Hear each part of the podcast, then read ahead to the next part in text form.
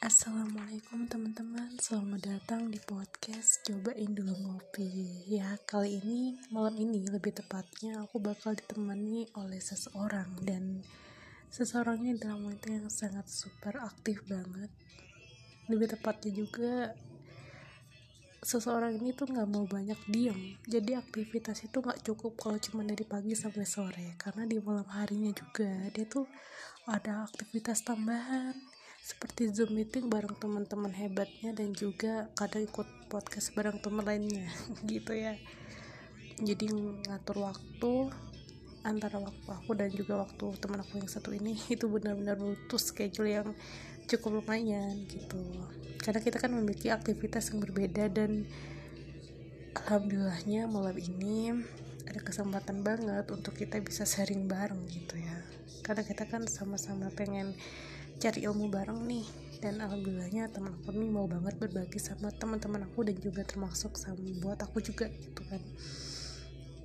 Dan kali ini aku bareng teman aku bakal ngobrolin tentang hijrah ya teman-teman. Karena hijrah ini memiliki makna yang sangat luas sekali. Bukan hanya perubahan antara sebelum dan sesudah atau butuh pengorbanan dan lain-lain dan untuk itu tetap stay tune karena teman aku di sini bakal hadir bakal uh, sharing bareng lah ya.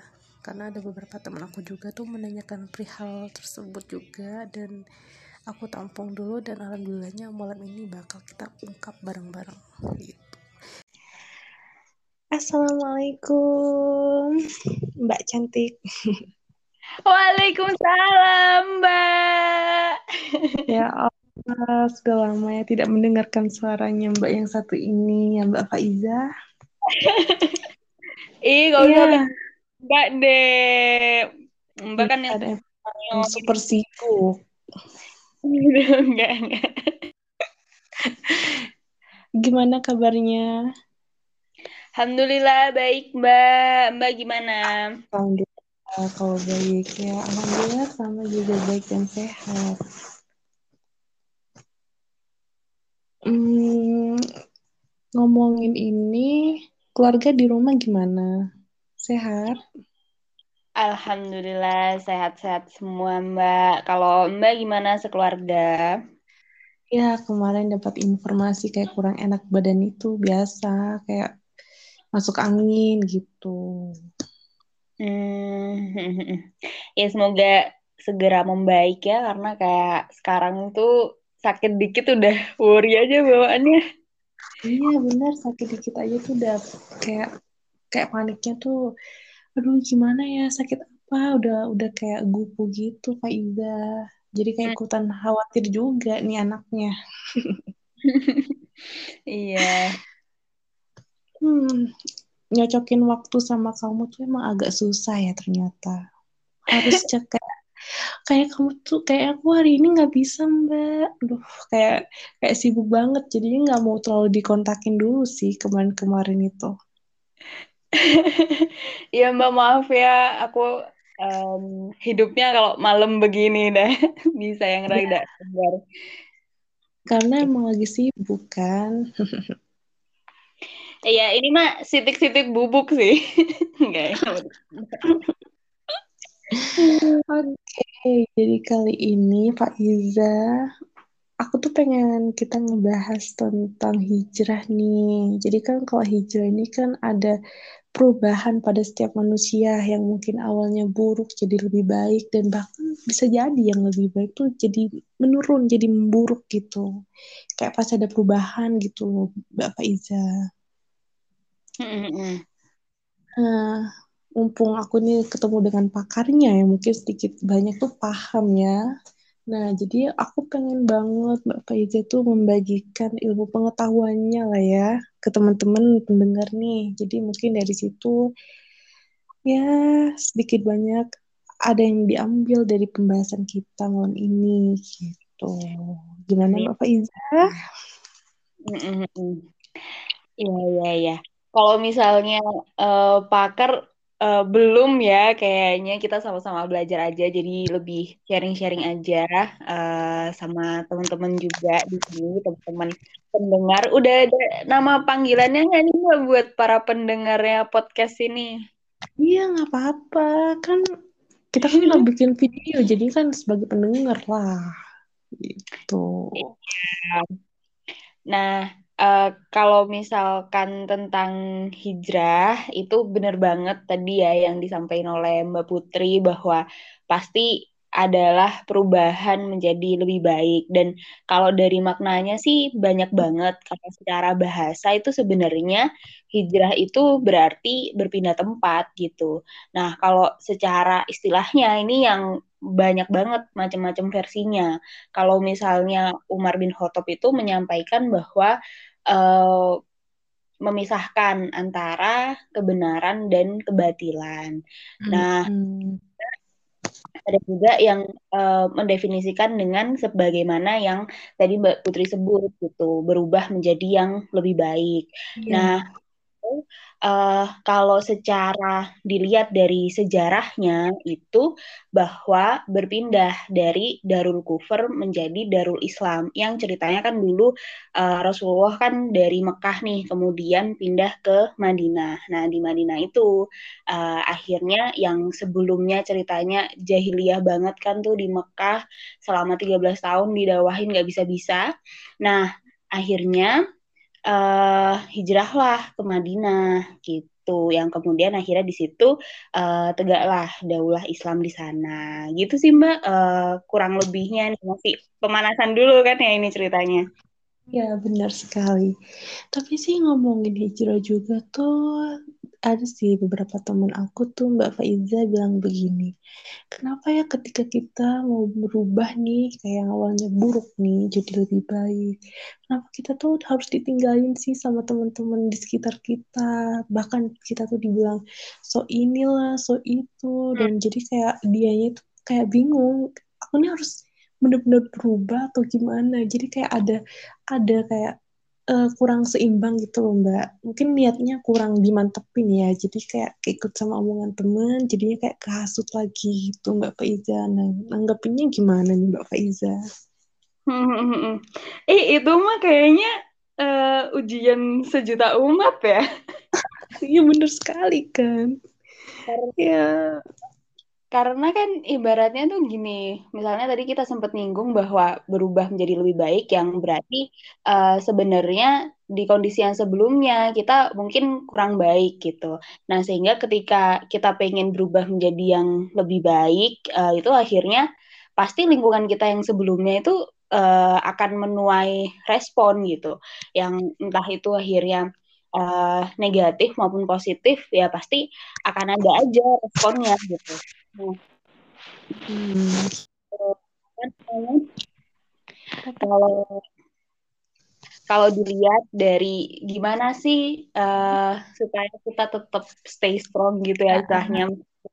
Tadi ada omongan-omongan kayak gitu. Nah, ini kalau yang uh, tak coba terapin ya pada saat awal-awal um, itu jadi gini mbak. Yang pertama adalah kita memang harus udah punya ininya apa namanya harus udah punya pegangannya. Jadi kayak kita tuh ingatnya hijrah itu karena apa?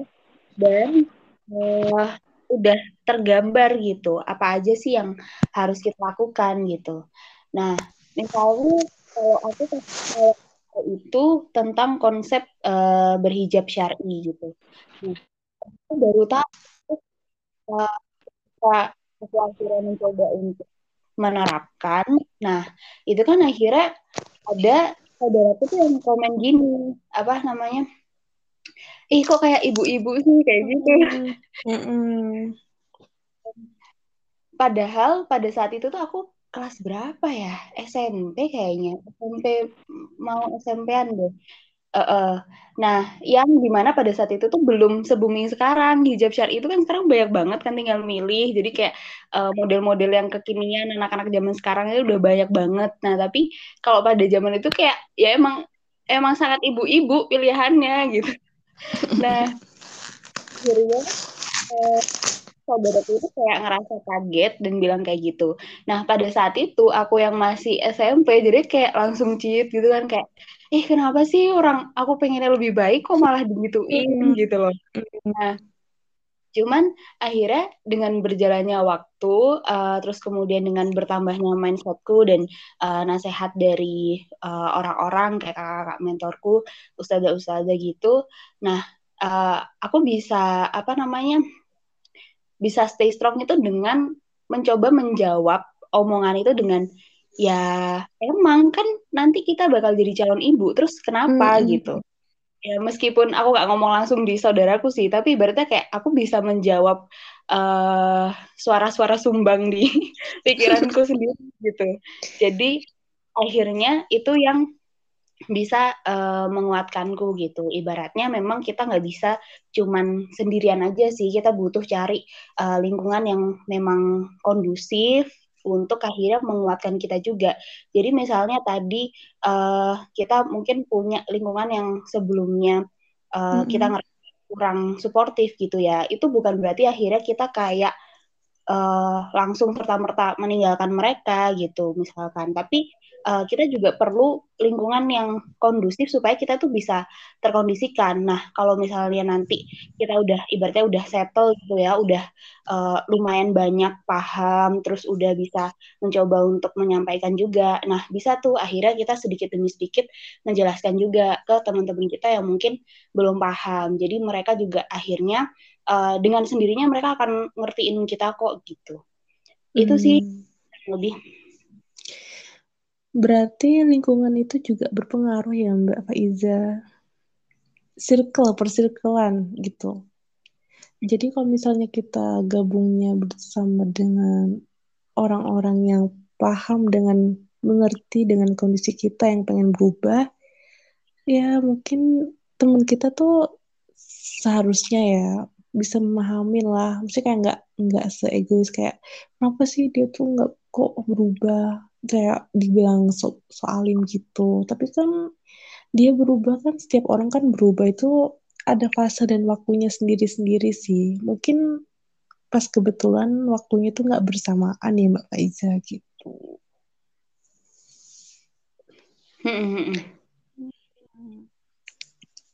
Terus juga kalau semisalnya nih Mbak Faiza dalam ya mungkin ada juga beberapa faktor nih yang pernah dari teman-teman sih yang nyampaikan ke aku gitu. Dia tuh nyampeinnya tuh gini. Aku tuh di dalam keluarga itu nggak masih dia kayak mungkin yang dia dapat di luar kayak tentang uh, agama tentang hal-hal komunikasi lah dengan orang itu dia tuh nggak dapat dari keluarga gitu mbak. Kan otomatis kan keluarga kan menurut aku pribadi itu kan inti ya peran intinya di dalam kehidupan kita. Kalau temen kan masih bisa aja kapan aja gitu kan. Nah kalau misalnya keluarga yang nggak mendukung tuh gimana mbak? Ntar kalau misalnya nggak ngikutin apa kata keluarga kamu ntar dibilang anak yang durhaka lah dibilang anak yang nggak nurut sama orang tua. Nah untuk hmm. kayak antisipasinya tuh gimana ya mbak? Soalnya ada beberapa teman aku tuh ada di posisi itu dan dan aku kan nggak bisa menjawab karena kan keluarga itu kan berperan penting gitu loh mbak. Kayak kita kesarian pun bakal ketemu dengan keluarga kita gitu. Jadi kalau misalnya kita nggak nurutin ntar dibilang ah anak durhaka anak yang nggak nurut padahal kita kan nggak ada nggak ada kepikiran seperti itu gitu jadi kayak mungkin tanggapan dari keluarga tuh berbeda dengan tanggapan yang pengen kita lakuin gitu loh Mbak Faiza. Nah, gimana nih Mbak Faiza? Mm-mm, bener bener bener. Uh, jadi itu juga sebenarnya masalah sejuta umat juga sih Mbak.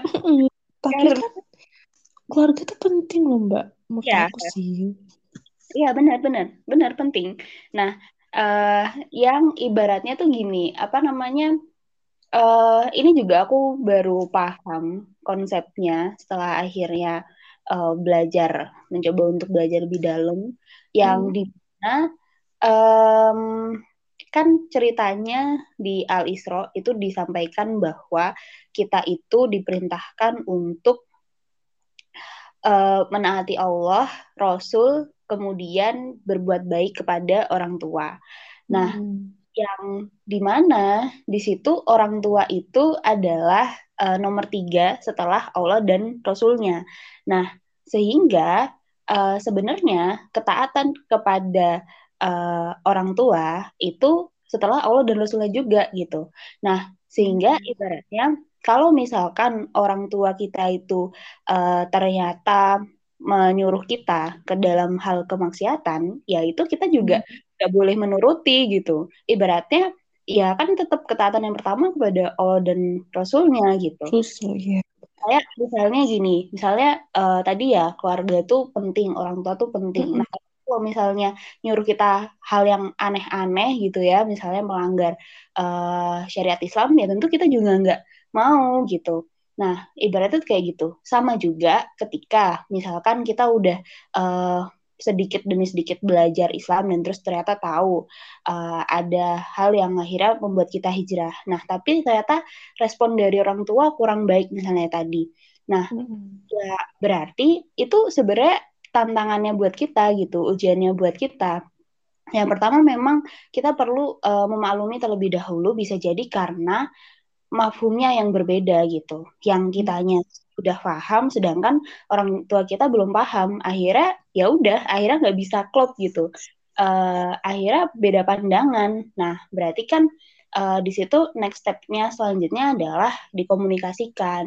Nah, sehingga uh, di situ memang yang akhirnya mungkin akan ada struggle-nya juga ya karena kan kadang ada beberapa orang tua yang nganggep kayak lah kamu kan masih kecil belum hmm. paham dan lain-lain kayak gitu-gitu nah sehingga bisa model komunikasinya itu lebih kepada kayak ngajak uh, beliau-beliau itu berdiskusi gitu bukan yang uh, menggurui dan memang butuh proses sih nggak bisa kayak mm -hmm. langsung uh, sekali langsung tiba-tiba langsung berubah jangan gitu kan apalagi biasanya dengan bertambahnya umur kan uh, udah kebentuk sendiri emang mindsetnya gitu. Beda dengan anak-anak muda yang mungkin mereka uh, lebih bisa inilah menghargai perbedaan pendapat dan yang lain-lain.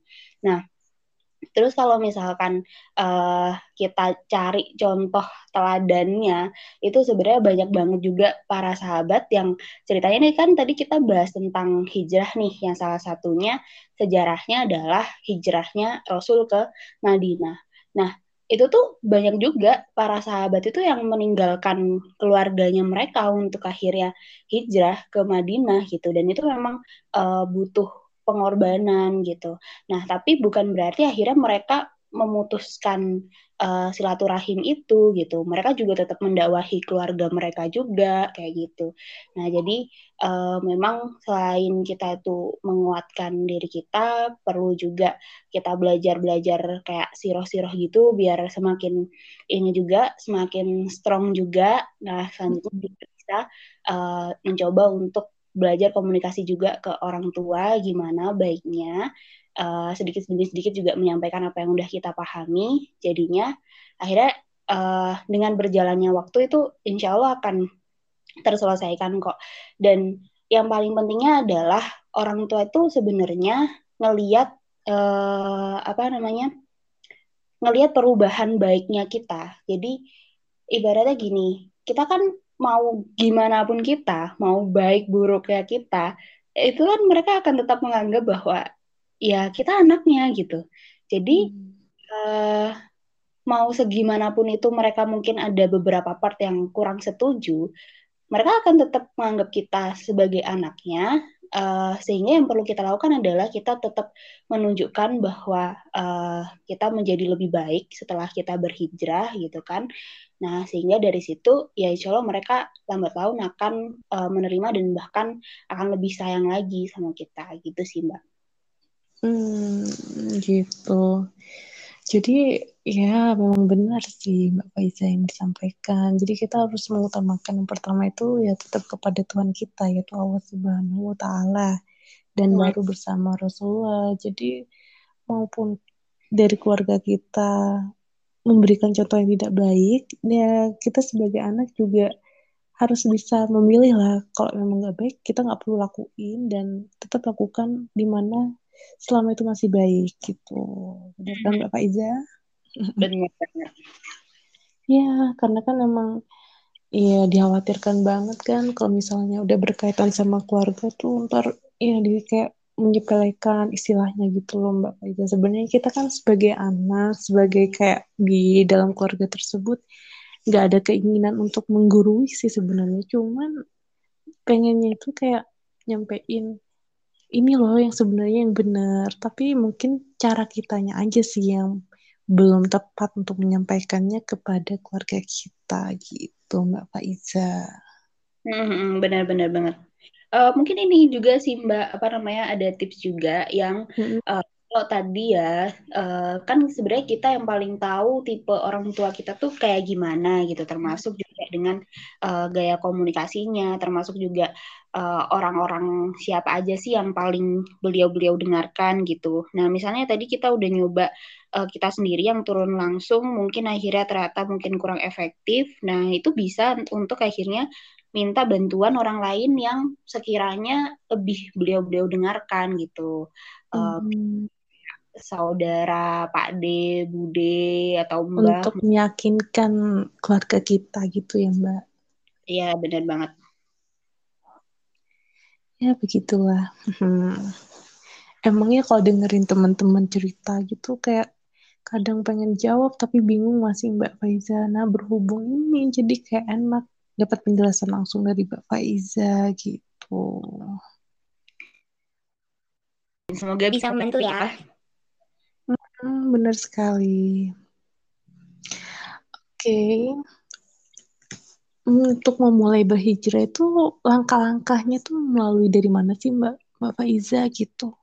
Apakah orang yang yang berdosa besar pun itu apakah dapat berhijrah? Maksudnya kayak hijrahnya itu dia tuh kayak nggak pengen setengah-setengah gitu loh Mbak Mbak Faiza. Memulainya juga bingung dari mana gitu kan hmm. barangan kita asal mungkin kayak trendingnya sekarang tuh mas sekarang tuh orang pada berubah. Kayak penampilannya tuh yang awalnya seperti apa saat ini udah kayak mm, memperlihatkan uh, kayak bagus gitu loh mbak. Kayak penampilannya tuh lebih lebih apa ya lebih sopan gitu. Nah tapi kan untuk memulai itu semua kan butuh proses. Kayak kayak, kayak mungkin lebih tepatnya itu memulainya tuh dari mana gitu loh Mbak Faiza. Oke, okay. kalau mulainya dari mana tadi udah uh, ada tak singgung juga sih sebenarnya. Mm-hmm. Nah, jadi yang pertama adalah yang pasti niatnya harus ini dulu apa namanya benar-benar uh, ditata gitu. Karena kan kadang ini ya apa namanya yang sering nih biasanya karena uh, broken broken heart gitu ya misalnya. Terus pengen pengen move on terus pengen aku ah, udah pengen menjadi yang lebih baik lah kayak gitu kan.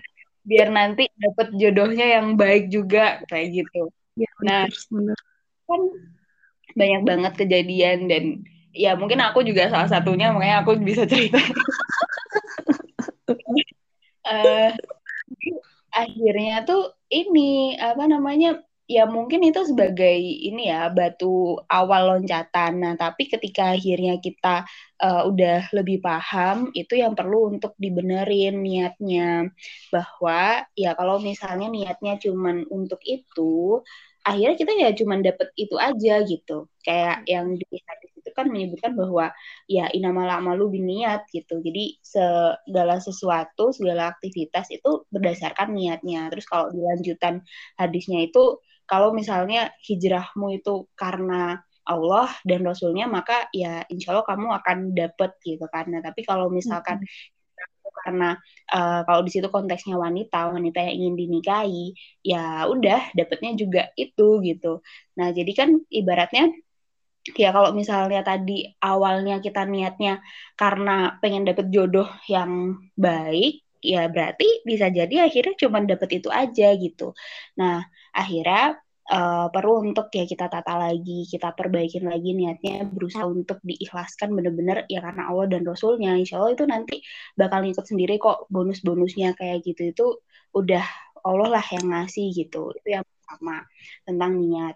Nah, kemudian yang kedua emang kita perlu uh, meluangkan waktu untuk akhirnya belajar Islam. Nah, belajar Islamnya ini yang intensif, yang memang setiap minggu itu kita uh, luangkan waktunya, misalnya kayak dua jam tiap pekan gitu kan. Dan itu uh, perlu memang ada gurunya gitu, yang uh, apa namanya menyampaikan. Terus kita juga bisa tanya-tanya secara langsung karena uh, sekarang di era uh, digital saat ini, mm -hmm. alhamdulillah kita lebih mudah untuk mengakses konten konten-konten Islami. Nah, tapi uh, kalau misalnya kita cuman satu arah aja, misalkan, terus akhirnya dari situ kita nggak bisa memfilter atau akhirnya kita nggak bisa tanya secara langsung, bisa jadi akhirnya dari situ kita salah memahaminya gitu. Nah, itu malah hmm. Jadi itu benar-benar uh, ada uh, gurunya atau ada mentornya. Nah, nanti kalau misalnya teman uh, tertarik bisa juga hubungi aku. Nanti ya kita inilah uh, berselancar bareng-bareng kita belajar yeah. kayak gitu.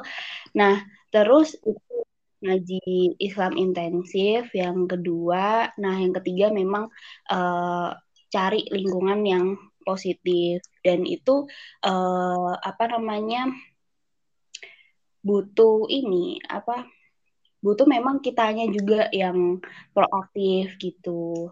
Yang misalkan nih, misalnya kita mau mau apa namanya?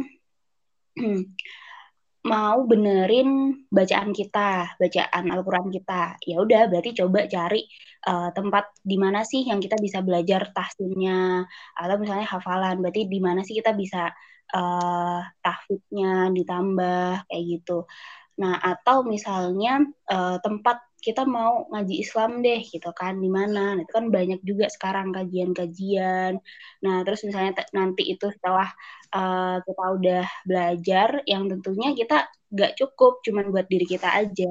Ya uh, itu perlu untuk disebarluaskan atau bahasa uh, itu didakwahkan gitu kan.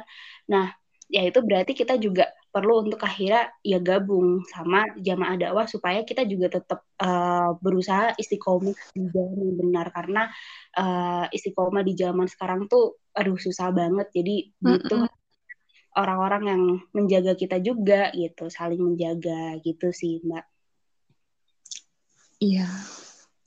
Bener sih niat tuh yang paling utama sih Mbak Faiza. Kalau niatnya kita setengah-setengah, ya menurut aku tuh pastinya, aku kan pernah mengalami hal ini juga. Jadi kayak kadang tuh kayak keikut ke masa lalunya lagi gitu loh Mbak. Yang mungkin awalnya kurang baik, terus pengen berubah nih, ada niat nih setengah, tapi kayak setengah-setengah gitu. Jadi pada akhirnya tuh iman kita nggak kuat, nggak ada yang ngedukung kayak dari teman-teman di sekitar kita, akhirnya Iya, sempat ini juga kebawa ke yang dulunya lagi gitu, Mbak. Nah, ngomongin tentang kayak untuk menjaga iman kita, kayak biar kita tetap uh, dengan niat kita di awal kayak pengen berubah gitu.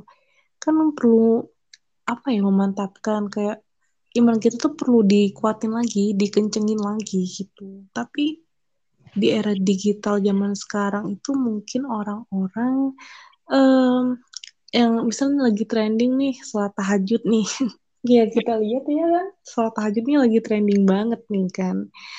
Uh, karena musim-musimnya dengan cara kita sholat tahajud ya sisi baiknya itu kita tahu kok dengan kita melaksanakannya itu uh, apa yang kita inginkan itu dapat terkabulkan. Tapi kan balik lagi niat ini. Kalau misalnya niatnya cuman apa ya lagi ini kan soal pernikahan ya pengennya tuh dapat jodoh yang baik nih Mbak Faiza jadi kayak niatnya kan kurang kurang mateng sih menurut aku sebenarnya udah baik sih niatnya pengen cari pasangan itu dengan cara mendekatkan diri kita dengan yang ciptainnya nih Mbak Faiza tapi ya menurut aku tuh masih kurang kurang pas sih niatnya. Kayak pengen itu kita lillah aja kayak ikhlas.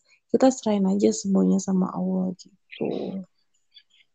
Nah untuk ngomongin tentang biar niat kita ini kuat kan berkaitan dengan iman nih Mbak Faiza hmm. nah caranya nyatuin iman kita juga tuh gimana ya Mbak Faiza kayak Hmm. Apa ya niat itu nggak jauh-jauh sih menurut aku tuh dengan iman. Kalau orang di sekitar kita nggak ngedukung terus kita itu nggak ada gambaran la- lain lah kayak monoton gitu itu aja menurut aku tuh ya pasti niatnya tuh masih kayak kurang kurang apa ya kurang matang gitu loh mbak. Kurang mantep lah istilahnya. Ini gimana ya mbak Faiza tuh kalau ngomongin iman gitu? Hmm. Em, sebenarnya gini sih, Em, kalau tentang iman, iman itu yazid wa yankus, jadi bertambah dan berkurang. Yang Mm-mm. ibarat kayak kalau orang yang eh, dia nambah terus itu masya Allah banget ya, tapi memang Mm-mm. secara, secara fitrahnya pasti akan ada saat di mana naik, saat di mana turun. Nah, kadang biasanya kalau eh, masa-masa turun itu eh, bahasanya dinamakan futur. Jadi kayak apa namanya? Ketika kita itu habis semangat, thread, tapi terus habis itu tiba-tiba kita down dan yang lain-lain berbagai macam hal eh, faktornya mungkin bisa dari dirinya kita sendiri mungkin yang males atau dari orang lain misalnya tadi karena lingkungan terus akhirnya kita Hmm. eh, Benar. nggak semangat lagi dan yang lain-lain tuh macam-macam sih. Nah, kalau eh, gimana sih akhirnya supaya kita tetap bisa menjaga iman itu bisa jalan lurus dengan niat itu tadi ya. Yang pertama emang eh, perlu disadari bahwa itu tadi iman tuh naik dan turun. Maka ketika kita sadar bahwa iman kita lagi di atas nih, nah berarti bagaimana caranya supaya kita tuh eh, menjaga itu gitu. Misalnya, oh aku bisa eh, semangat banget karena apa ya? Oh mungkin karena eh, tahajudnya aku berusaha untuk rutinin Mm-mm. gitu mungkin karena duhanya aku berusaha rutinin gitu. Nah, ya berarti itu dijaga terus gitu supaya kita tetap ada di situ gitu. Nah, tapi Mm-mm. kalau misalkan pas ketepaan eh, futur tuh, nah futur biasanya kalau cewek-cewek biasanya waktu ini sih, waktu haid kan nggak Iya. sholat gitu kan. Nah, Heeh.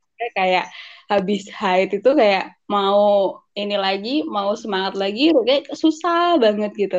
Nah, jadi eh, itu yang akhirnya perlu dijaga juga dan diwaspadai gitu. Kalau misalnya kita udah tahu ritmenya kita kayak, oh kalau aku pas hari itu jadinya kayak gini. Nah berarti gimana caranya misalnya kayak amalan-amalan apa sih yang sebenarnya itu masih bisa kok dilakuin eh, oleh wanita haid. Nah itu juga bisa tetap dijaga supaya ya meskipun kita nggak sholat tapi kita tetap eh, merasa terhubung terus gitu sama Allah. Nah sehingga ketika pas suci lagi itu kita nggak terlalu susah untuk akhirnya bangun uh, keimanannya itu tadi gitu.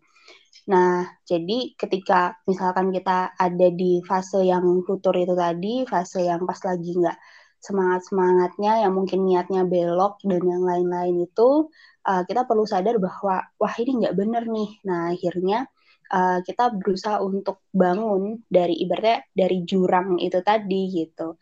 Nah, sehingga ya kita memang perlu akhirnya struggle untuk melakukan berbagai upaya. Misalnya akhirnya oke okay deh coba untuk uh, dirutinin pikirnya atau uh, mungkin ada amalan-amalan yang kita lupa. Misalnya satu minggu biasanya kita ikut kajian terus minggu itu nggak ikut. Nah berarti ya itu coba dirutinin lagi dan yang lain-lain kayak gitu nah terus Hmm. eh, kalau terkait gimana sih supaya apa namanya niatnya tuh bener-bener ikhlas lillahi ta'ala yang itu pasti akan menjadi ujian uh, dan ibaratnya gini kalau misalnya kita tuh melakukan sesuatu uh, perbuatan nah perbuatan ini apa sih yang diterima oleh Allah adalah ketika perbuatan kita tuh isanul amal nah isanul amal itu adalah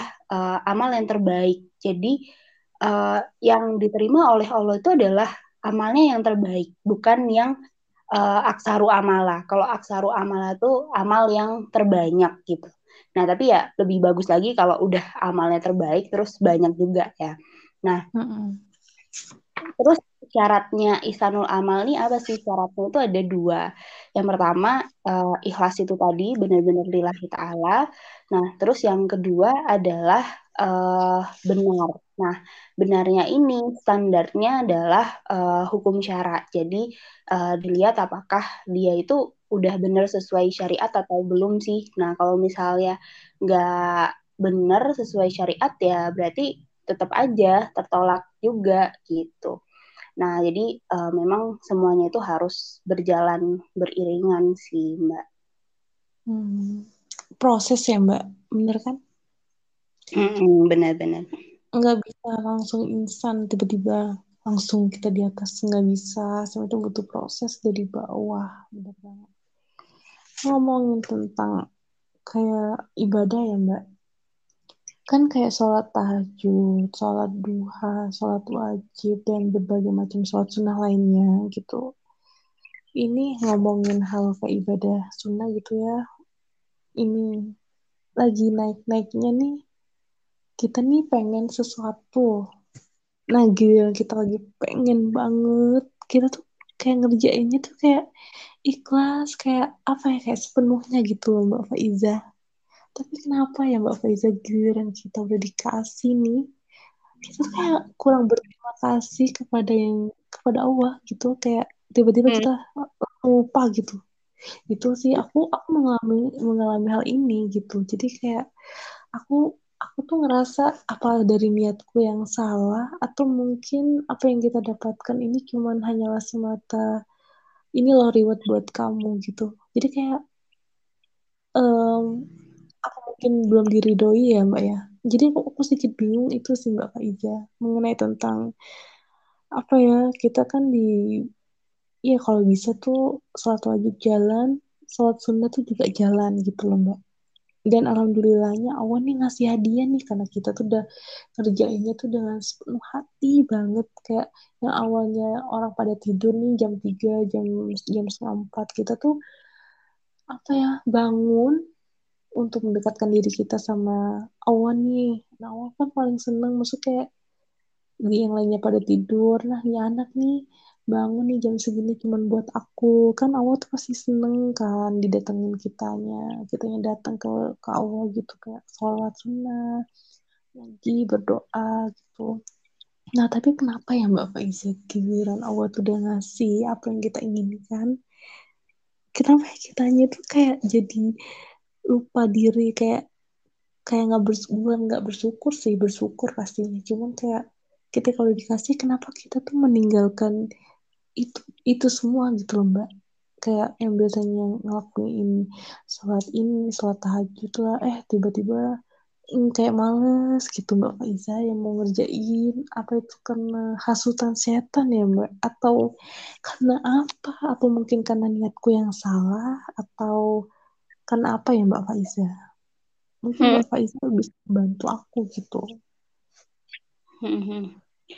Uh, sebenarnya kalau dari sudut pandangku ya Mbak, yang pertama hmm. adalah uh, bahwa itu hal yang wajar karena ibaratnya kayak manusiawi banget uh, hmm. pengen sesuatu kita bakal kayak berusaha banget gitu kan. Uh, ibaratnya gini, misalnya kita uh, pas kecil deh pengen dibeliin sesuatu sama ibu misalnya tas gitu. Nah terus uh, supaya akhirnya bisa dibeliin kan akhirnya kita berlaku baik gitu kan nyapu kayak ngapain gitu, biar dikasih. Nah terus hmm. Setelah kan ya bisa jadi akhirnya karena tasnya udah dapet ya udah nggak nyapu lagi nggak ngapain lagi gitu. Nah berarti kan bisa jadi mungkin ada uh, mafhum yang kurang tepat pada awalnya gitu. Yang harusnya uh, apa namanya kita niatnya untuk membantu orang tua yang itu juga ya insya Allah dapat pahala. Eh tapi malah kita niatkan buat dapet uh, si tas itu tadi. Jadi ketika hmm. akhir tasnya dapet ya udah akhirnya ya udah itu alasan untuk kita melakukan kebaikannya itu tadi udah hilang gitu. Nah, sehingga bisa jadi akhirnya uh, kita nggak nyapu lagi gitu atau kalaupun nyapu itu udah beda lagi uh, targetnya gitu tujuannya gitu nah jadi kalau direfleksikan ke yang tadi uh, mungkin pada saat awalnya itu bisa jadi akhirnya uh, ada mafhum yang kurang tepat juga. Nah, kalau misalnya sekarang udah tahu, ya berarti bisa untuk diperbaiki lagi ke depannya. Hmm.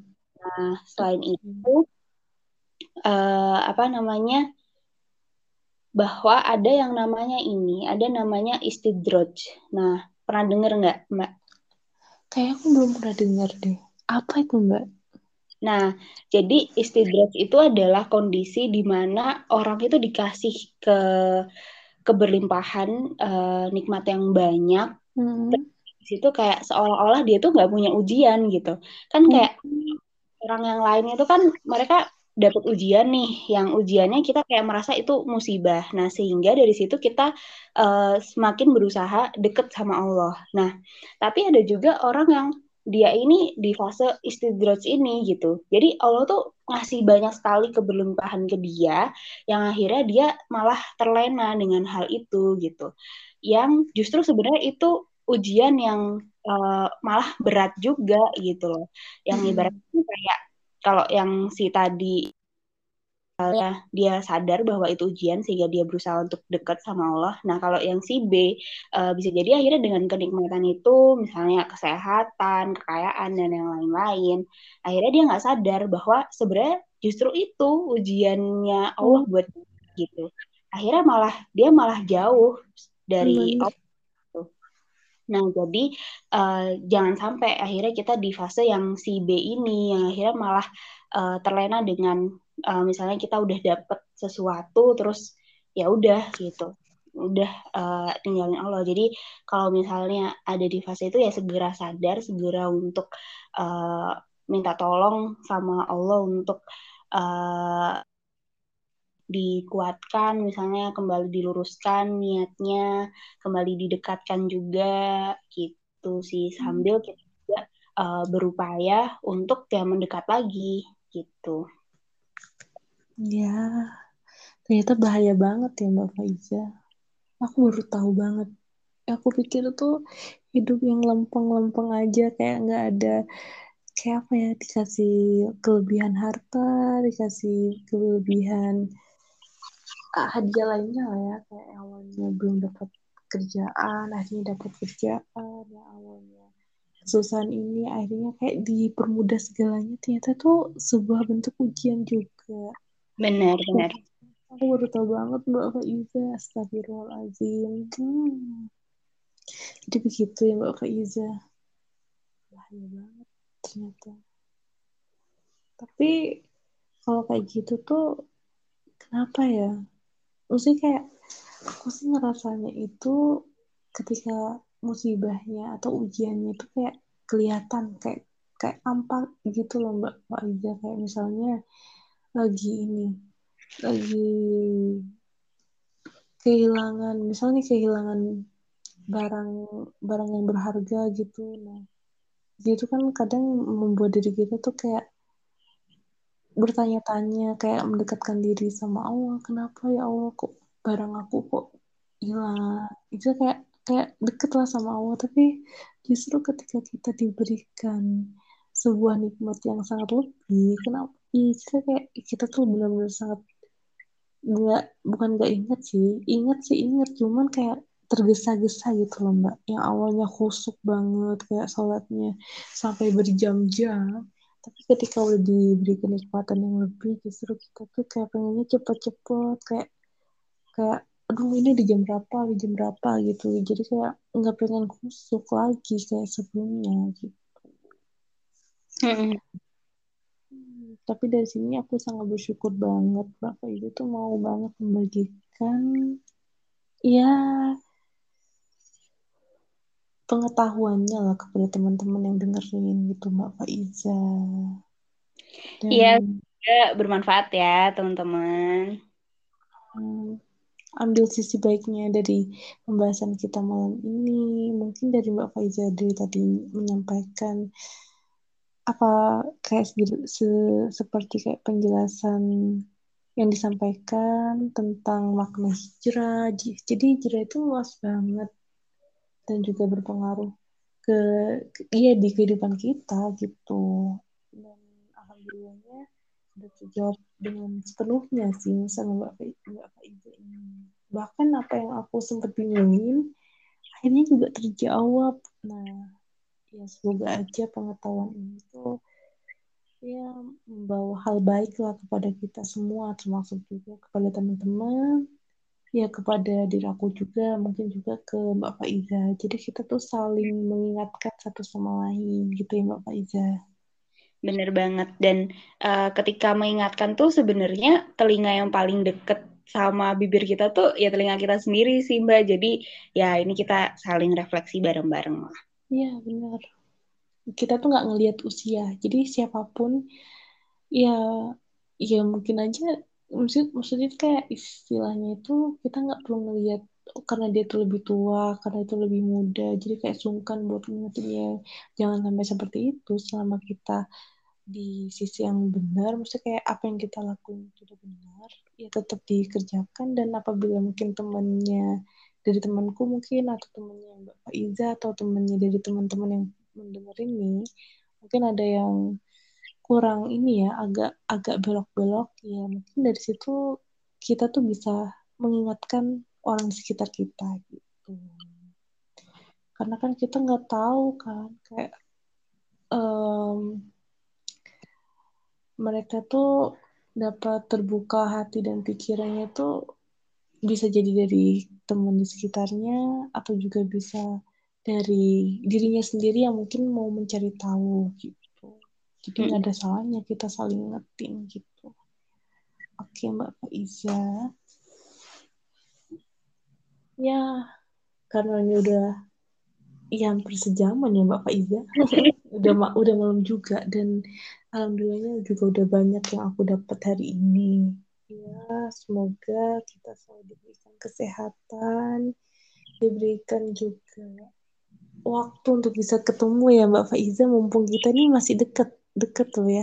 Iya, mampir aja lah Mbak, aku deket Batu mah. Iya, insya Allah weekend kalau misalnya Mbak Faiza longgar, kita saling kabar-kabar dulu. Gitu. Siap, siap. Oke, mungkin di lain waktu kita bakal sharing-sharing mungkin tema yang berbeda ya Mbak Faiza gitu. Bisa, bisa. Ya, gitu biar nggak monoton. Ntar dikiranya kok kok bahasnya sih ini ini mulu. Ya enggak lah, kita pastinya bahasnya ber, ber, beraneka ragam, nggak cuma tentang mengenai tentang agama. Mungkin nanti bisa mengenai tentang jurusan kita ya Mbak Faiza. Bener, aduh, seneng banget tuh kesehatan masyarakat. Iya, bener banget ya kan. Karena kan Iya, jadi kayak nggak usah berpikir, Ih, ntar bahasanya tentang agama ini nggak tenang aja teman-teman. Kita tuh bakal banyak beraneka macam tentang pembahasan apa yang bakal dibahas sama teman-teman aku nih. Salah satunya ya ada Bapak Iza ini gitu. Ya udah, terima kasih ya Mbak Faiza sudah mau ikut membantu dan berbagi lah istilahnya sharing-sharing bareng sama aku sama teman-teman aku juga yang dengerin ini gitu. Iya, terima kasih juga Mbak Putri udah diundang. Senang juga bisa berbagi di sini. Jangan kapok ya. kapok banget. Dari sini kan enak banget kita ngebahas kayak gini tuh santai dan juga pakai pembahasan kayak bahasanya kita sendiri gitu. Jadi nggak nggak terlalu baku gitu. Jadi kan teman-teman tuh yang dengerin juga enak gitu Mbak Faiza. Ya, tapi kalau sama Mbak Faiza tuh perlu ini sih ngatur waktu lebih lagi. Mungkin dua mingguan ya Mbak. Dua minggu sebelum mau ini mulai ngatur waktu. Iya nggak gitu juga sih Mbak. Kan super sibuk banget anak yang satu ini. Tapi ya nggak apa-apa. Dia kan memanfaatkan waktunya itu sebaik mungkin dan aku sih setuju sih apa yang dia lakuin sama Faiza ini Mbak Faiza dia tuh sangat-sangat memanfaatkan waktunya itu sebaik mungkin gitu. Iya ya Mbak, udah udah nih Mbak, ini, ini malah kepanjangan bahas akunya. Oke, okay, okay, tenang, tenang. Ya udah, terima kasih Mbak Faiza, selamat beristirahat dan semoga di besok harinya Mbak Faiza dalam keadaan yang selalu bahagia, selalu have fun lah. Jangan terlalu banyak mikir gitu, jangan monoton, jangan mikir yang enggak-enggak mulu, oke? Okay? Berpikir positif. Siap, Mbak juga ya. Oke. Okay. Ya udah, terima kasih ya Mbak Faiza. Assalamualaikum warahmatullahi wabarakatuh.